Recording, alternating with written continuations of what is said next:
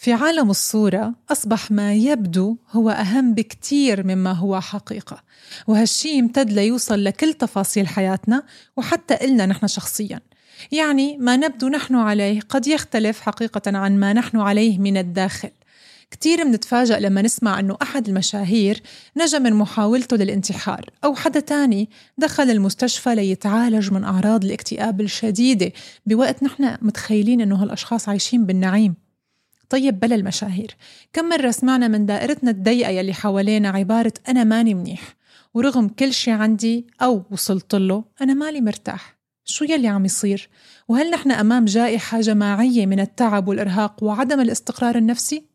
هذا حديثنا بحلقة اليوم خلونا نبدأ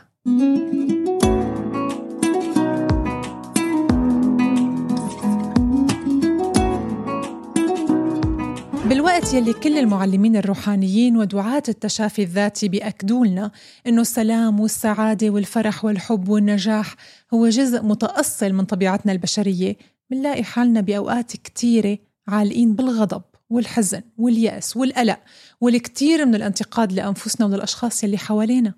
هالشي عم يخلينا للأسف بحالة حجب لكل ما هو إيجابي وفطري بداخلنا. وبسبب عجقة الحياة وانشغالاتها الكتيرة رح نستسهل التغاضي عن الصوت يلي جوانا واللي عم بيقول بين كل وقت والتاني في شي لازم يتغير.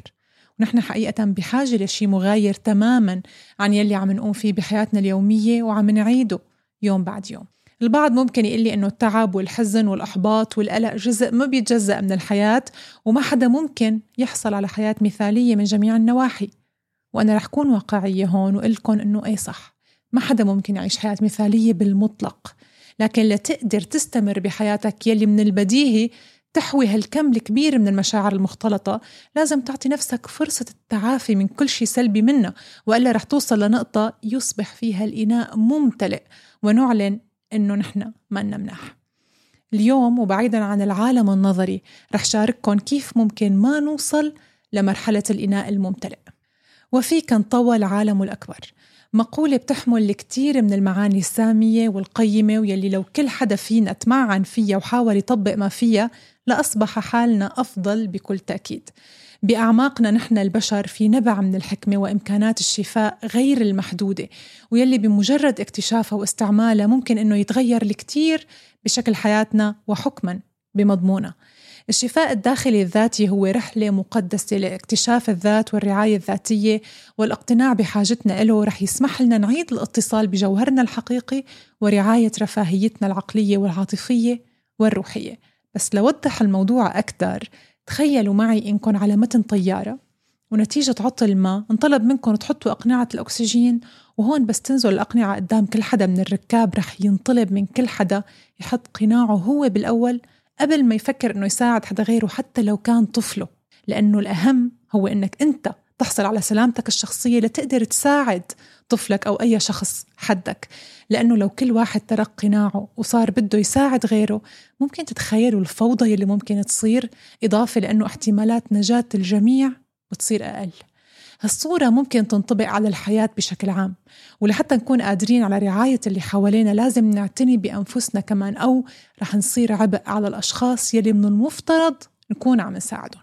يعني يا جماعة عملية الشفاء الذاتي والاهتمام بالصحة العقلية والروحية والالتفات لداخلنا لا يعتبر أنانية أو فردية إنما هو عمل للحفاظ على الذات وتوازنها وتمكينها لأنه بالوقت يلي منهمل فيه نداءاتنا الداخلية رح تتضاءل طاقتنا ونصبح عرضة بشكل أكبر للتوتر والقلق والإرهاق وحتى الفشل بالقيام بأدوارنا على مسرح الحياة. ومثل ما قلت لكم ببداية الحلقة إني رح حاول كون بعيدة عن الجانب النظري فخلوني شارككم أسهل الطرق لحتى نكون حقيقة على طريق التشافي الذاتي أو على الأقل عم نحاول. أول وأسهل الطرق إنك تحكي مع حالك. للأسف الحديث مع الذات لا يزال يعتبر نكتة أو من علامات الجنون إنما هو بالحقيقة بداية حوار مثمر ومفيد لتعرف حقيقة أنت وين وشو يلي عم يخليك غير مرتاح حزين قلق غير راضي عن حياتك. وضع الحواجز بين الإنسان وذاته رح يخلق حالة من الانفصام بين ما يعيشه الإنسان وبين حقيقة ما يشعر فيه. لهيك اسأل حالك واسمع من حالك لتعرف منيح أنت ليش هيك حاليا وشو مصدر أفكارك ومشاعرك. وإيه كتير ممكن إنك ما تلاقي جواب بالبدايات وما تفهم على حالك. عادي. لكن مع الوقت وبالاستعانة ببعض الهدوء وتمارين التنفس العميق رح تقدر توصل للأجوبة يلي عم تدور عليها. يعني مثل لو حدا مضيع شيء بده شوية جهد ووقت ليرجع يلاقيه. تاني شيء تعامل مع نفسك بحب ورحمة وتسامح. جلد الذات ولومة ما رح يعمل شيء إلا يزيد الطين بلة مهما كانت المشاكل أو الأخطاء يلي ارتكبتها أو الغير ارتكبوها بحقك. لازم تتصالح مع الموضوع لحتى يروح تقله السلبي من حياتك ويصبح أمر عابر. وهالشي رح يخليك تملك مساحة أكبر لتضيف فصول جديدة إيجابية وسعادة بحياتك. ببساطة تخيل حياتك القرص الصلب تبع الكمبيوتر يلي بخزنوا عليه الملفات كلها. وهو معبى كتير أشياء سلبية وصار فل. دورك تمسح هالمعلومات اللي ما لها ضرورة لتسمح للأشياء الجديدة بالوصول لحياتك. ثالث نقطة ممكن نضيفها اليوم رحلة التشافي الذاتي بتتضمن الجسد أيضاً. يعني من غير الممكن أنك توصل لنتيجة مثالية برحلة التعافي من دون ما تكون عم تهتم بجسدك أيضا عن طريق ممارسة الأنشطة يلي بتخليك أكثر راحة وأقل توتر مثل الرياضة باختلاف أنواعها وتمارين التنفس العميق وجلسات التأمل يلي ممكن تعملها كل يوم الصبح ببيتك أنت وعم تشرب قهوتك لمدة 15 دقيقة مو أكثر يعني لا تصعب الموضوع على حالك. وتذكر إنه قرارك بالمسير برحلة التشافي ما بيعني إنك لازم تكون وحيد ومنعزل بكل الأوقات ممكن تختار أشخاص بتشعر بالارتياح معهم وتجاههم ليكونوا شركاء لك بتفاصيل هالطريق. إذا اقتنعتوا مني وحابين تعطوا أنفسكم هالفرصة والتجربة المهمة يلي ممكن تغير كتير بحياتكم بحب ضفلكم إنه رحلة التشافي الذاتي ما لها وجهة لازم نوصل لها ونخلص.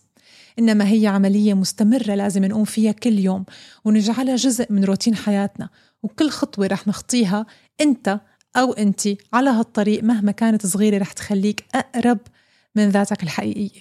وهالقرب رح يخليك أكثر قدرة واتزان واستيعاب للحياة وأوجهها وتقلباتها الكتيرة.